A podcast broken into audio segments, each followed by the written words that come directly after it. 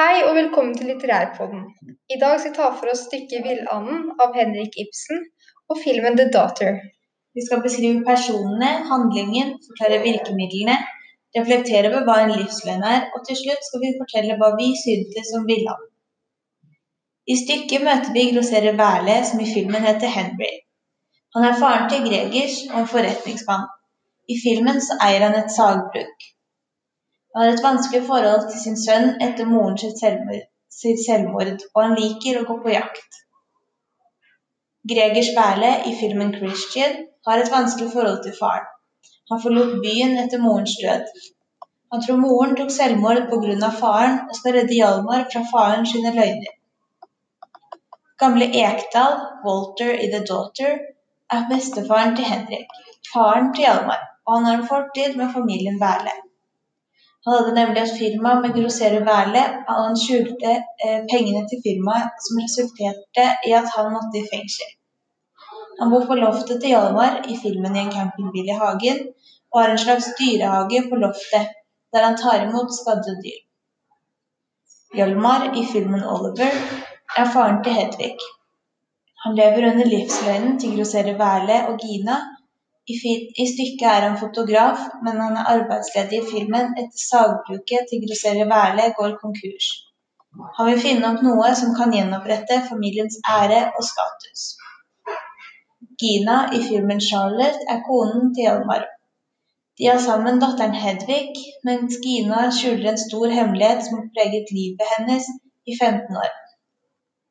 I stykket retusjerer hun bilder mens hun er vikarlærer i filmen. Gina blir redd da Gregers kommer inn i livet til familien hennes igjen, fordi hun mistenker at han kan avsløre hemmeligheten.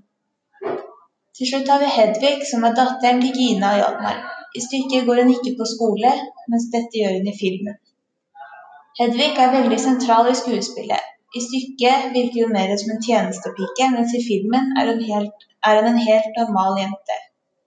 Hun er kanskje litt oversett av, foreldrene, men forholdet til faren er veldig sentralt. Nå som vi har hatt et overblikk over personene, så går vi over til å snakke om handlingen. Kort fortalt så handler stykket 'Villanden' om Hjalmar Ekdal som er gift med Gina og sammen med datteren, har datteren Hedvig. Da Greger Sverle kommer hjem etter 16-17 år, finner hun ut at familien har levd under en livsdøgn. I kjent stil har grosserer Wærle gjort den tidligere tjenestepiken Gina gravid, som vil si at Hedvig ikke egentlig er Hjalmars datter. Videre har grosserer Wærle skutt ned en villand som han har mislykket i å drepe. Anden for gamle Ekdal, som han passer på loftet til Hjalmar. Når Hjalmar får vite at Hedvig kanskje ikke er hans datter, så vil han ikke heller ha noe med henne å gjøre. Hun tror derfor det at hvis hun ofrer det kjæreste hun har, så Hjalmar kommer tilbake og blir glad i henne, men i stedet for å skyte villanden, så skyter hun seg selv. I filmen er det litt annerledes. Den er mer modernisert, men dreier seg fortsatt rundt samme livsløgn. Da Gregers kommer derimot hjem for å være Gregers kommer derimot hjem for å være med i bryllupet til faren. Istedenfor å ha et middagsselskap, som det går i stykket, så skal grossereren gifte seg med 31 år gamle hushjelperen Anna. I filmen er villanden fortsatt med, men forholdet mellom den og Hedvig kommer mer til syne. På slutten av filmen oppleves nyheten om at Hedvig ikke er hans datter, mye sterkere enn i stykket. I tillegg får man håp på slutten med at Hedvig overlever skuddet. Vi finner en del virkemidler i stykket. Vi har f.eks. språklige virkemidler som dialoger mellom hovedpersonene, og en type fortellerstemme som oppsummerer og forklarer de ulike aktene. Eh, det er skrevet på gammelt norsk, som f.eks. ord som lommeskilling. Det er også et veldig poetisk språk, som en er vår høyeste glede i verden og en er vår dypeste sorg, som Hjalmar forteller til Greger. Temaet er et evig tema, eh, som det er temaer som alltid er aktuelt, og som ofte handler om mennesket. Da trekker vi ut temaer som utroskap, usikkerhet og selvmord. Budskapet går litt til det samme som Henrik Ibsen sa om livsløgn. Tar de livsløgnen fra et gjennomsnittsmenneske, så tar de lykken fra ham med det samme. Ærlighet kan derfor også gå under kategorien budskap. Varer egentlig ærlighet lengst? Så er virkemidler i film. Det blir språklige virkemidler som dialoger mellom personene.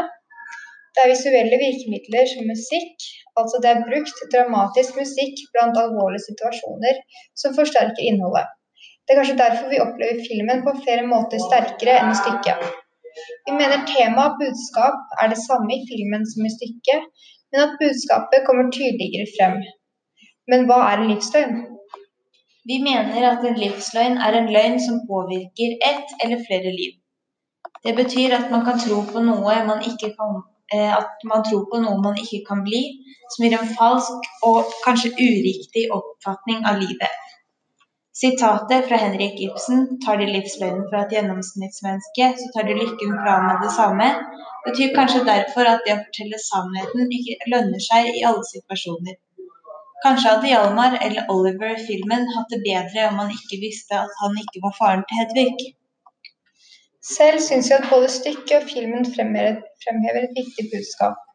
I tillegg til at den gjør at man sitter igjen med spørsmål om det kanskje er bedre å leve under en livsløgn dersom det gir bedre konsekvenser. Når det gjelder hvem vi likte best av filmen og stykket, så vil vi helst si at filmen er det som påvirket oss mest og ga et større inntrykk enn det stykket gjorde. Eksempel så la man mer merke til forholdet mellom Hedvig og faren i filmen, og hvor glad hun egentlig var i han. De ga også karakterene mer dybde, som gjorde at man fikk bedre forståelse til dem og de forskjellige synspunktene. Til tross for at vi likte filmen best, så vil vi heller ikke si at stykket var dårlig. Vi vil nok si at stykket tok for seg mye viktig og ga en annen side av karakterene med tanke på at dette var sett på fra 1800-tallet. Alt i alt så er både stykket og filmen aktuell i dag. Takk for at du hørte på. Velkommen tilbake neste uke.